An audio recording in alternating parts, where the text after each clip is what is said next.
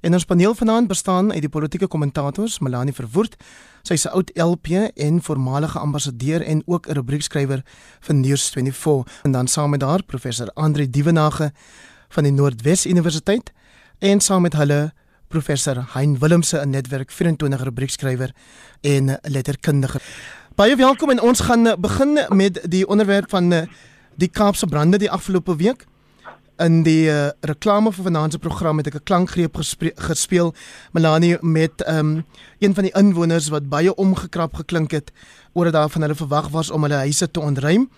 Daar teen die hange van Tafelberg en uh, jy het 'n rubriek geskryf hierdie week oor die brande en so ook. Heinz ek gaan julle twee vra om te begin deur vir ons net kortliks op te som wat die punt of die standpunt was wat julle dan nou in julle rubrieke gedeel het. Melanie jy eerste Wel, eintlik ek het maar meer vanuit die persoonlike ervaring gepraat daaroor. Ehm, um, jy weet hoe dit voel. Ek bly op die hange van Devil's Peak. So ons het eers Sondag nag het ons die brand gekry en toe moes ons ehm um, maandagooggend het ons ontruim. Ek weet nie eintlik hoekom mense omgeëlle raak dat hulle moet ontruim nie. Wat wil hulle vat verkies? Hulle wil hulle maar eerder in die huis bly sit en brand. Ehm um, en ons is gelukkig op die ou end het die brand ehm um, gestop letterlik in ons agterplaas. Ehm um, ja, so dis waaroor ek geskryf het. Ehm um, ek neem aan ons gaan nog 'n bietjie praat dan sal ek nog 'n paar punte daaroor maak, maar dit was maar my ervaring. Ehm um, jy weet dit gebeur, ag, weet jy, omtrent elke jaar het ons brande daar teen Duiwels Peak. Ehm um, en dan so omtrent elke 5 jaar gaan dit ek nou al daar bly, dan moet ons gewoonlik ontruim, dan sit 'n groot een. Hierdie een was besonder groot. Ehm um, en wat anders was hierdie keer is dat omdat die brandweer so dun versprei was, kon hulle glad nie ehm um, was nog was hulle glad nie daar nie. Die vorige brande het hulle was hulle in die straat, hulle was agter ons op die berg want ek bly op die op die rand van die van die natuurreservaat. En ehm um, hierdie keer was hulle nêrens nie. Ehm um, hulle was nie by ons nie bedoel ek. En ehm um, hulle was hoër op waar daar baie groter krisisse was.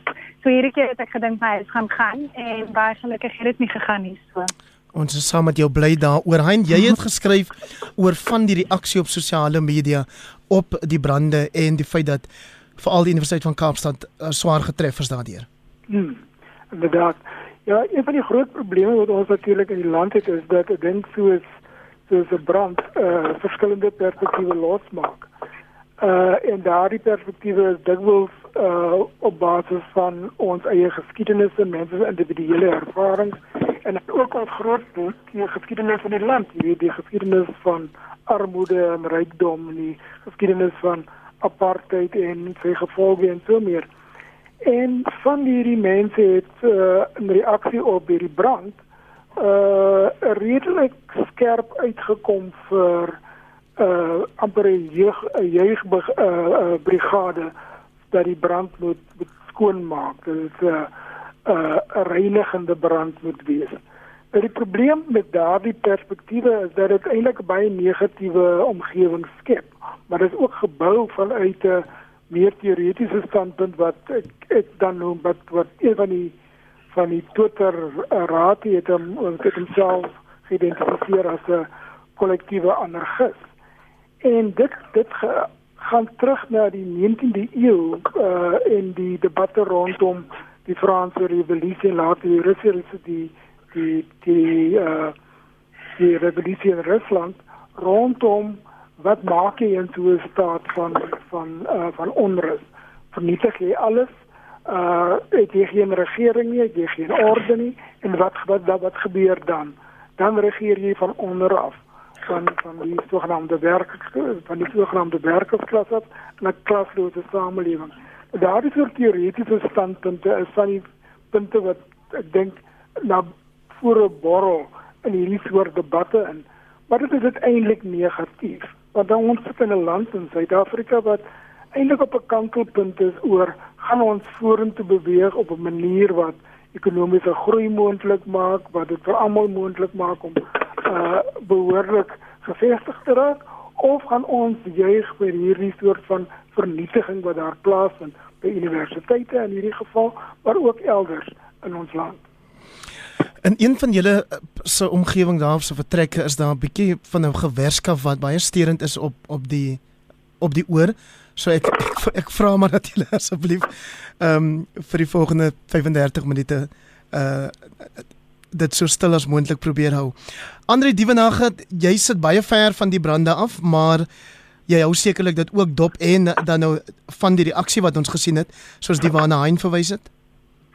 Heinrich, ja, inderdaad, my opsomming hier van Potchefstroom se kant af is dat die politieke omgewing letterlik en figuurlik oorverhit is en dat as 'n brand alreeds bepaalde politieke konnotasies inbring, dan dan is dit problematies.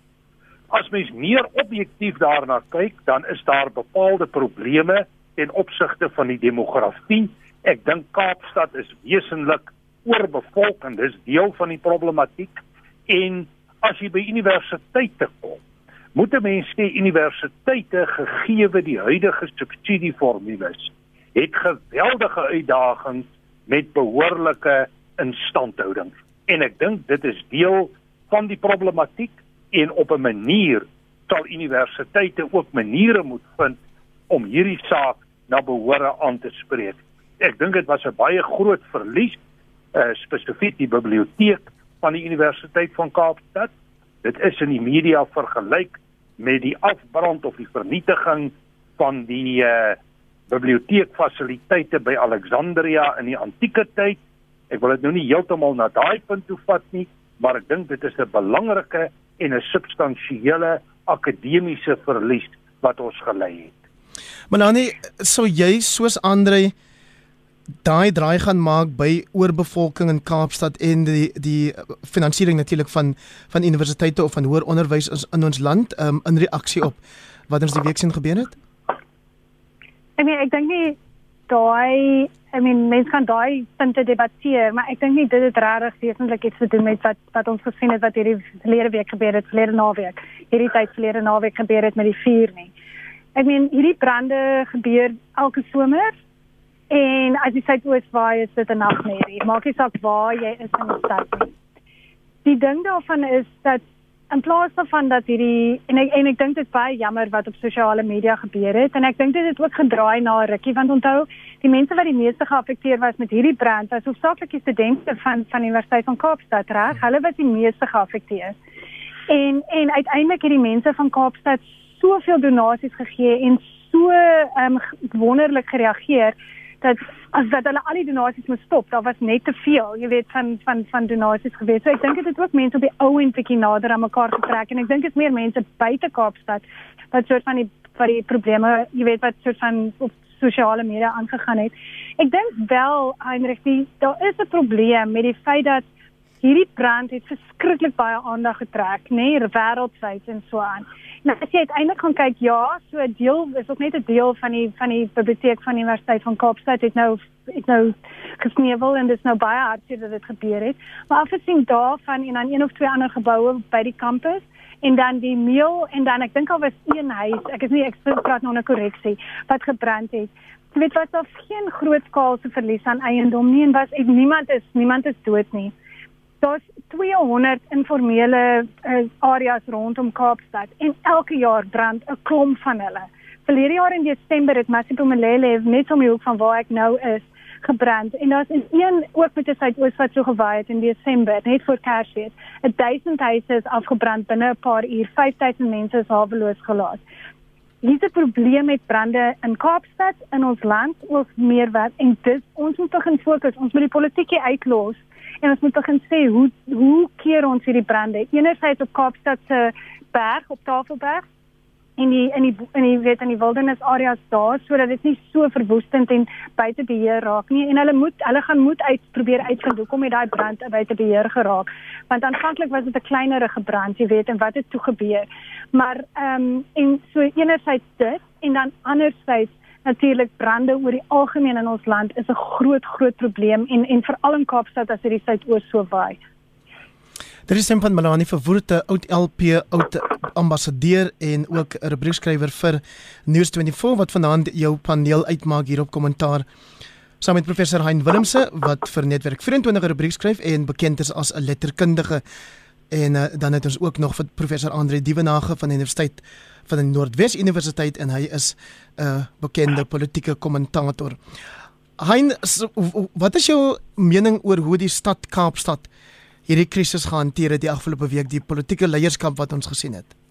Wel, ek dink dat hier 'n paar goed wat na vore borrel natuurlik. Ehm um, my eie reaksie was dat ek dink die die die die die stad het natuurlik verskillende uitdagings en daar is 'n hele klomp debatte wat gevoer word rondom uh die aandeel en die rol van van die stad Kaapstad en hoe belangrik dit vir hulle is om die die uh wildernisarea daar te bestuur en daar is 'n spanning tussen hulle en die sand en en en sandparke oor wie moet uiteindelik beheer neem van die bestuur van van die park self.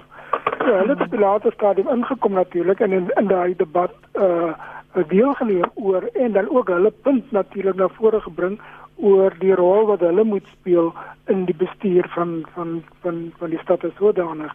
Ek dink dat die die die aanwesigheid van die van die administrateurs van die stad was duidelik op die voorgrond gewees. Die burgemeester was daar, die die uh burgemeester lid betrokke by daardie uh verantwoordelik vir, vir daardie plaaslike uh, bestuur was daar gewees. So hulle was duidelik by uh, op die voorgrond gewees. Een van die groot debatte wat na vore kom uh, as 'n nagevolg is wat gebeur met die brandbestryders. Daar is 'n langdurige debat oor uh hoe moet hierdie mense vergoed word, watter hmm. skofte moet hulle werk en so meer en dit was deel van die van die uh van die gesprek wat agterna en tydens die die uh, groot brand uh, na vore gekom het. Wat ek dink 'n bietjie 'n bitter nasmaak uh uh, uh gelaat het. Maar ek dink in die algemeen lyk dit vir my dat die die, die stad Kaapstad wat inderdaad daar betrokke gewees. Wat wel vir my van belang is dat ons moet gaan kyk na die rol van vrywilliger organisasies. Ek dink dat Gift of the Givers byvoorbeeld uh was een van die eerste organisasies wat in voorgrond was. Hmm. En wat en wat ek onmiddellik gevra het was waar is die Kaapstad se se eie ehm uh, uh ondersteuningsdienste. Hoe watter rol speel hulle in daardie opsig? So ek dink daar is daar is voor en nadele. Die stad was duidelik aanwesig geweest, maar daar is nadele ook in terme van die van die verdere ontwikkeling van allerlei kleiner aspekte van hierdie van hierdie brand. Ander daar's ook op ander sosiale of maatskaplike kwessies gefokus soos die van dakloosheid en en in die feit dat jy in 'n stad soos Kaapstad steeds soveel huislose of daklose mense of straatmense selfs dan nou het. Ja, eh uh, Heinrich, dis waarna ek verwys as die demografie wat ek dink 'n deel uitmaak van die groter problematiek rondom brande. Dit het te maak met oorbevolking ook in sekere omgewings. Dit het te maak met boustyle en 'n klompie goed. Ek weet daar's ook 'n verslag ingedien ten opsigte van die Universiteit van Kaapstad waar daar gesê word dat indien hulle meer versigtig te werk gegaan het met die instandhouding van die natuuromgewing, die uitkoms van die brand baie anders kon gewees het. Maar feit bly bestaan, hierdie faktore is daar, dit moet op 'n wyse bestuur word en 'n mens dink as daar nou so gereeld dit sou plaasvind dat uh, daar wel op 'n manier voorkomend opgetree en gehandel sou kon word. Maar wat my wel bekommer en hy het ook daarna verwys is die vlak van verpolitisering wat ons in hierdie proses gekry het en dit is vir my 'n aanduiding van 'n oorverhitte politieke omgewing wat letterlik enige iets intrek ten einde bepaalde politieke munt daaruit te plan. Nou as daar een politieke ruimte is waar die situasie beslis oorverhit is, dan is dit binne die ANC Melanie. Ons weet van die probleme met Noordwes Vrystaat. Ons weet teen die ag dit gebeur alles teen die agtergrond van uh, op sy staan reël wat toegepas word of nie. 'n uh, Sekretaris-generaal wat sy eie kop volg, 'n uh, voormalige premier daarvan Andre se wêreld, Supra Mahumapelo wat vanmiddag nog in Delery wil gesê het die takke besluit nie die nasionale hmm. uitvoerende komitee van die ANC nie. Ja, Laat ons hoor dis jou dis jou voormalige party. Voormalige party. Kan ek net gou voordat ons um, op oor die ANC begin praat, kan ek net dalk as daar dalk van die brandweermanne en vrouens is wat inluister, net as iemand wat self aan die so op die rand van die vier gewees het net vir hulle baie dankie sê. Ek wil net sê Meinrich, hierdie mense is heroes. Hulle sit hulle lywe tussen ons en die en die brande en dit is ongelooflik wat daai mense doen. Ons hou hulle dop jaar na jaar na jaar. Hulle is mm. braaf. En ja, ek meen ek wil net vir hulle sê hoe baie dankbaar ons is. ANC. Ja, natuurlik. Oi, daar's maar groot amok in die onderrok daar aan die gang. Ehm um, en dit is natuurlik maar baie te doen nou met hierdie tersystaande van die van die ANC die reëls wat nou inkom waar daar nou duidelik nog baie onduidelikheid oor is. Want aan die een kant sê die een klomp ja, dit baie duidelik 30 dae en dis dit, maar dan kry jy van Paul Machetile wat sê nee, well, mm, miskien kan hulle nog appeleer en so aan. Ehm um, en ek sien Oscar Mabuyani sê dieselfde, jy weet dit 30 dae vandat hulle aangekla is. So dit is duidelik nog baie onduidelikheid.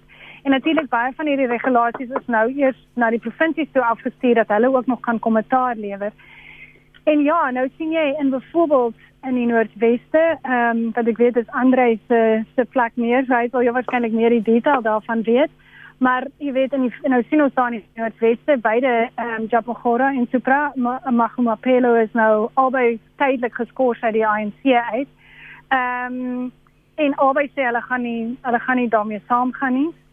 Ehm um, deels daarvan het te doen met twee lyste wat ingedien is oor wie is nou aangekla en wie is nie aangekla nie. So die hele storie is maar nog steeds bietjie van 'n gemors. En dit het natuurlik maar baie te doen, ehm um, soos ons al 'n vorige keer gesels het op hierdie program oor die feit dat almal is maar besig om nou hulle self gereed te maak vir volgende jaar se se ANC se verkiesingskongres. So ek dink wat jy beide sien in die Noordwes en die Vrystaat en ek dink ons gaan maar nog ander drama sien in ander provinsies ook. Ehm um, maar hierdie is maar die die groter probleme hierdie. Ehm um, het alles daarmee te doen. Heine jou indrukke oor hierdie geruk en pluk en dat 'n mens die indruk kry die jagseisoen is nou geopen want as jy wil hê ek moet op sy staan moet jy ook onthou wat Hein gedoen het en Melanie en Andre dat hulle ook op sy kan staan. Ja, net ek ek dink die ek dink wat dit die, die algemeen bevestig is dat Ramaphosa, Cyril Ramaphosa is besig om 'n uh, stewiger beheer oor te neem oor uh, die ANC breedweg en wat jy beskryf dat uh, in my gevoel is van as 'n buitestander as jy kry dat hierdie dinge begin losbukkel uh elke ou begin met 'n soort van wat die Amerikaners noem lawfare jy weet deur die hoewe hierdie hierdie stryd aan te voer en stryd onderlinge stryde aan te voer.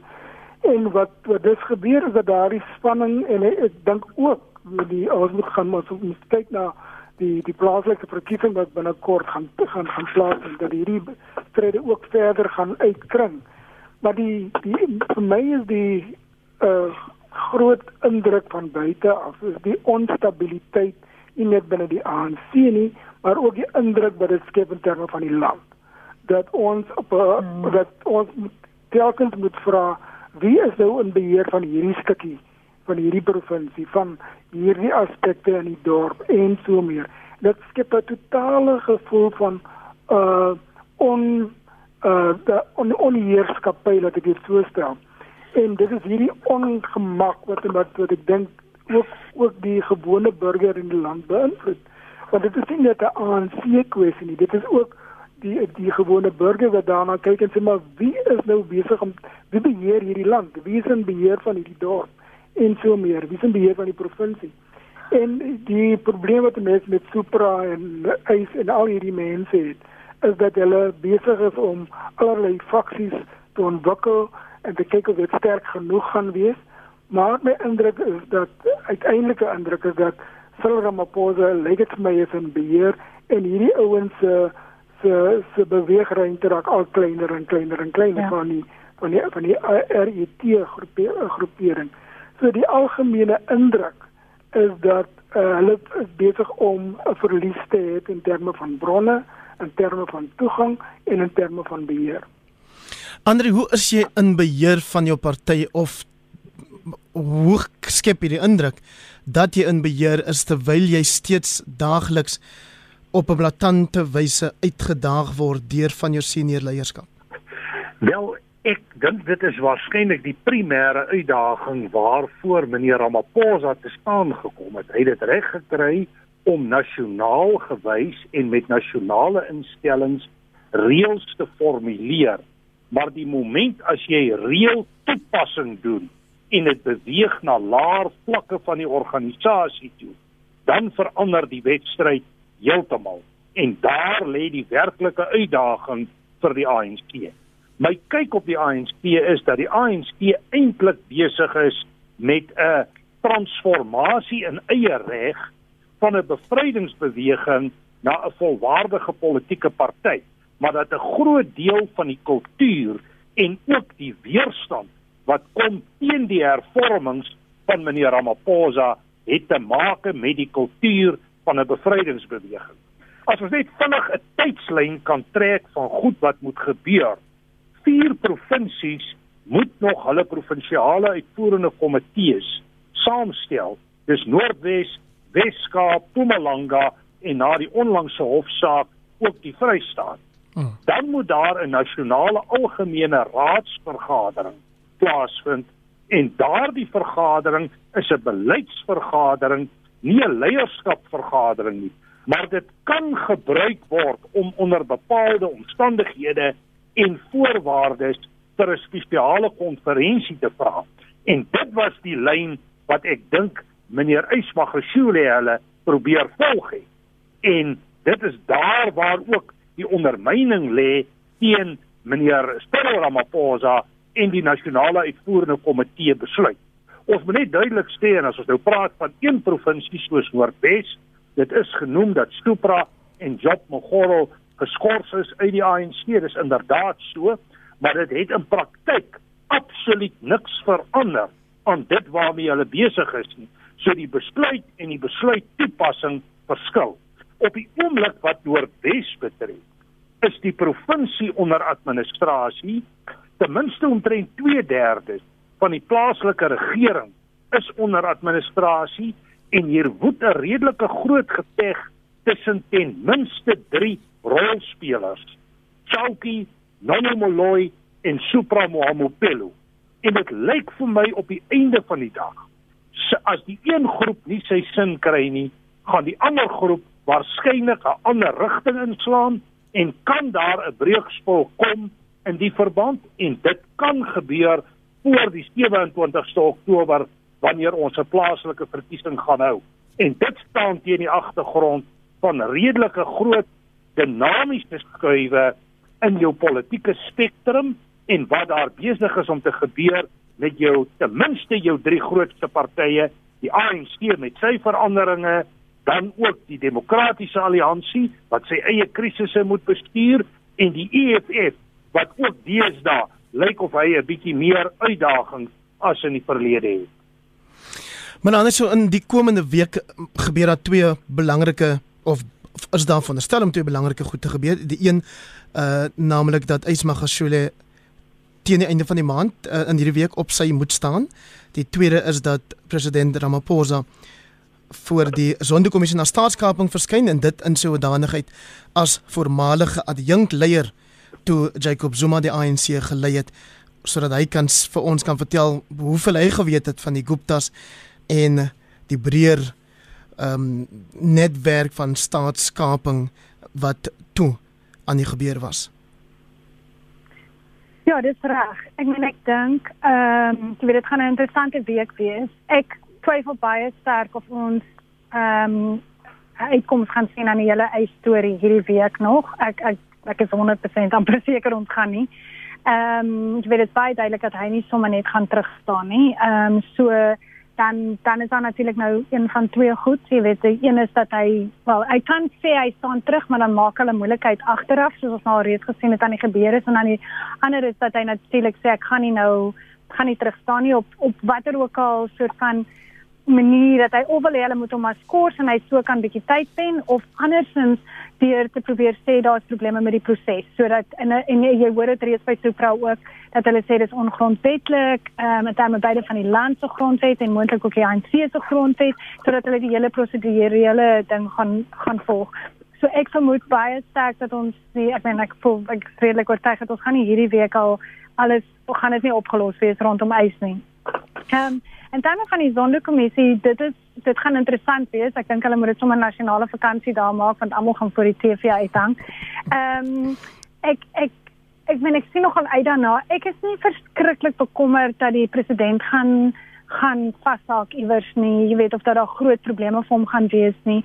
Ehm um, soos ek hom persoonlik ken, is hy baie versigtig met sulke tipe goed, jy weet met korrupsie goed en so aan. So um, ons moet nou maar kyk wat alles uitkom, maar maar ek sal baie verbaas wees. Ek dink wat baie belangrik is vir hom en en ook vir die land is natuurlik dat hy leiding neem en dat hy homself posisioneer presies teenoorgestelde as wat president ou president Zuma ag natuurlik nou doen jy weet en wat hy sê hy gaan nie praat nie en Ram president Ramaphosa volg baie so van man, um, president Mandela se se se pad jy weet toe hy met die hele storie rondom die Springbok ehm um, die Springbok saak jare terug met Louis Leif wat hom hof toe gevat het en hy nie hoef te gegaan het en hy het gesê nee ek gaan gaan en ek dink dit is daai selfde soort van morele leierskap wat Cyril Ramaphosa wil wil um, illustreer en wat hy wil duidelik maak. Ehm um, so ek dink dit gaan baie interessant wees om daarna te kyk en en en hopelik en my vermoede is dat hy behoort redelik goed daarvan daar uit te stap na die tyd. Hy en jou verwagtinge? Ja, nee, ek dink ek stem heeltemal saam met wat Melanie sê ten ten opsigte van eis. Ek dink nie dat uh, daar vreeslik baie uh uh jy weet, dat hy gaan op sy staan. Ek dink heeltemal dat hy uh die die ANC as sodanig wil uitdaag, die leierskap ten minste wil uitdaag. Hmm. Wat die betref die president betref, is dit natuurlik 'n baie interessante vraag wat na vore kom. Die vraag wat internasionaal ook gevra word is uh, die president was uh, Ramaphosa was uh, vir die hele tyd termyn van Jacob Zuma was hy die visie president gewees. Hmm. Hoe is dit dat jy blind was, nie gehoor het nie, nie gesien het nie, nie vermoed het nie dat hierdie dinge besig is om te gebeur.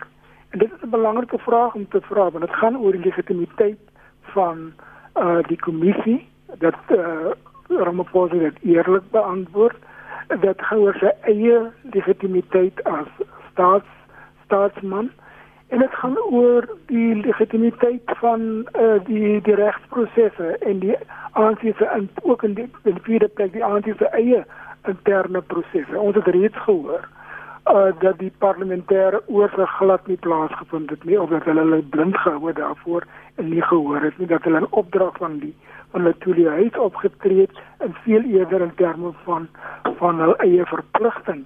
En die in die staatspresident die president was was uh was 'n uh, belangrike is 'n belangrike figuur in da, in daardie opsig en as visiepresident was hy die een wat in beheer was van van uh van die parlementêre uh situasie uh op verbintenis met die ANC en van van van van die parlementêre op die optrede binne die parlement.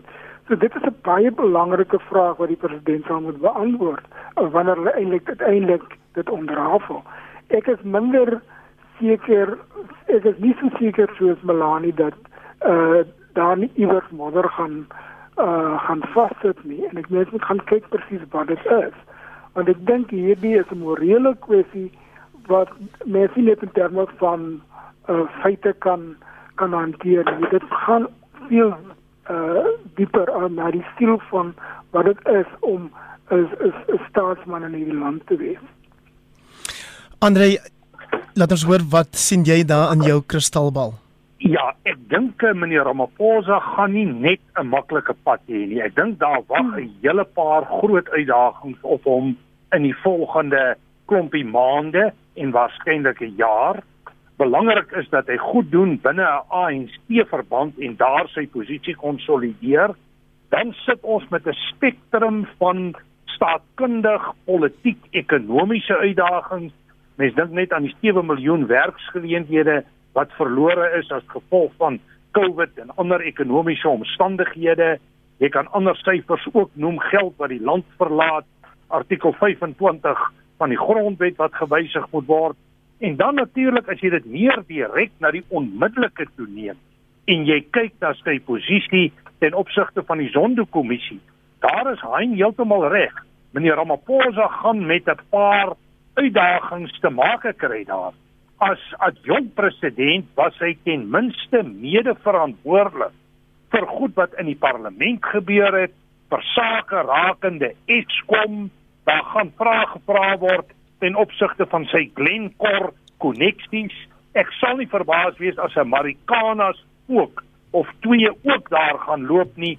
Daar sal vrae gevra word oor hoe bereik jy 'n finansiële status van tussen 6 en 7 biljoen wat jy begin as 'n leier van Nasionale Unie van Mynwerkers.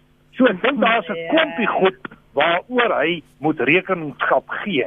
Maar ek dink wat belangrik is dat hy anders as meneer Zuma bereid is om te gaan getuig en elke keer wanneer daar 'n klag ingedien is, het hy gesê daar bestaan formele prosesse, volg dit en ons sal daaraan aandag gee gegee die normale prosesse. So ek dink in terme van sy integriteit, daar moet 'n mens krediet gee en dan ook sy dryf om instellings te probeer herbou en herontwikkel. Veral jou hoofstuk 9 instellings, daar moet hy krediet kry.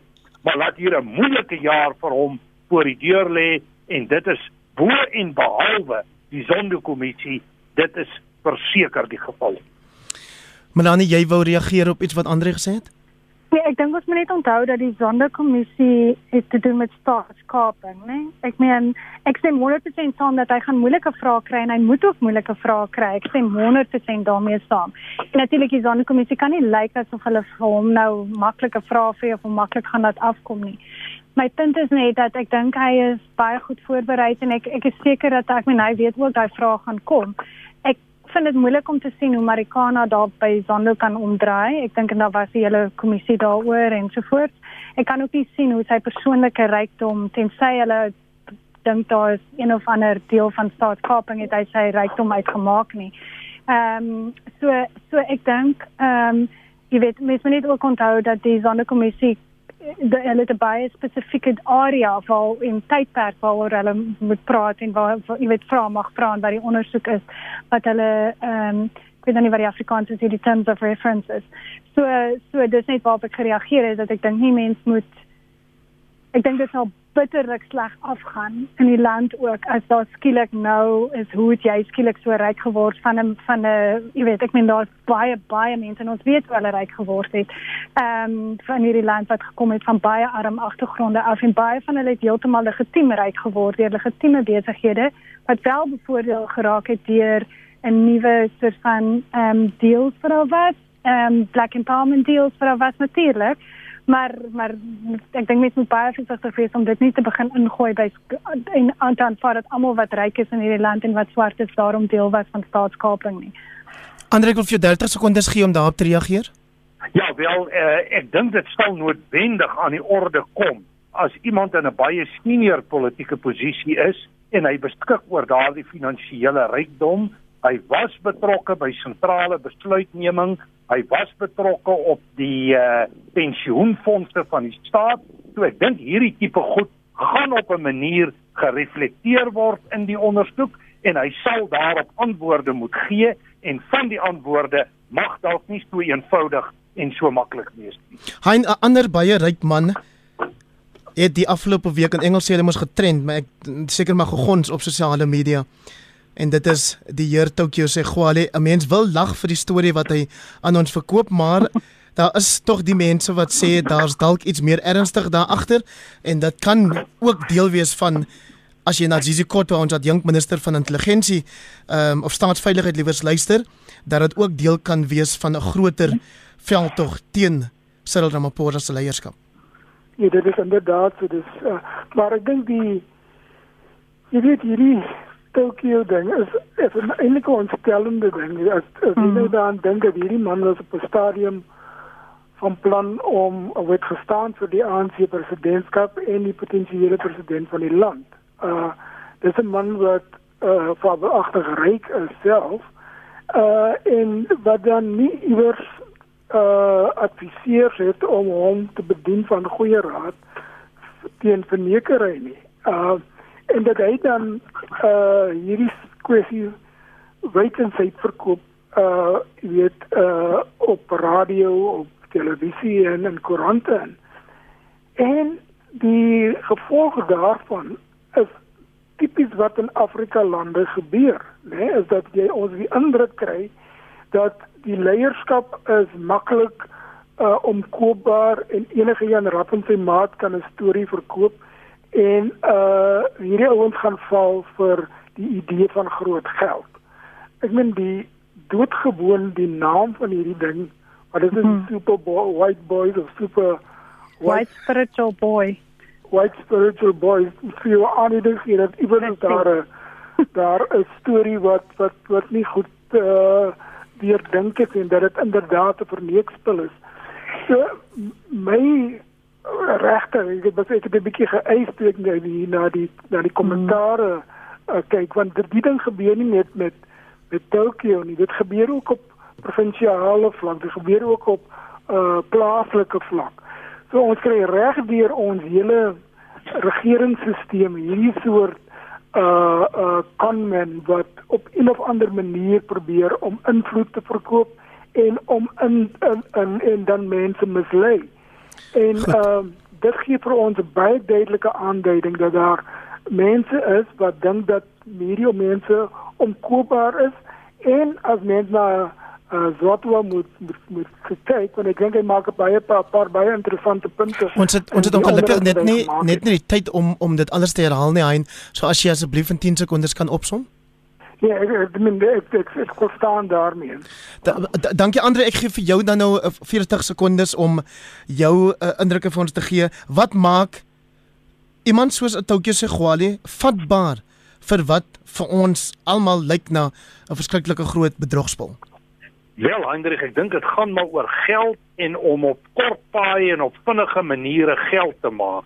En my oordeel van die situasie is baie eenvoudig dat meneer Tokyo Segwale swak oordeel aan die dag gelê het, die prys daarvoor betaal en nou probeer om eintlik in 'n politieke konteks 'n verklaring te probeer aanbied vir hierdie problematiek en dit as onregmatig te probeer aandui maar ek dink dit is gewoon swak oordeel wat gevel is en ek volstaan daarmee. Melanie, 'n laaste woord oor Touke Segwani? Dit is daar's my regtig hartseer daar. Natuurlik is dit is dit laf, jy weet, om te dink dat daar meer geld kon in die land ingekom as wat ek dink Jeff Bezos, uh, Bezos um, Elon Musk en die sewe rykste mense in die wêreld met 12 zeros. Ek kan nie eens my kop daarom kry nie.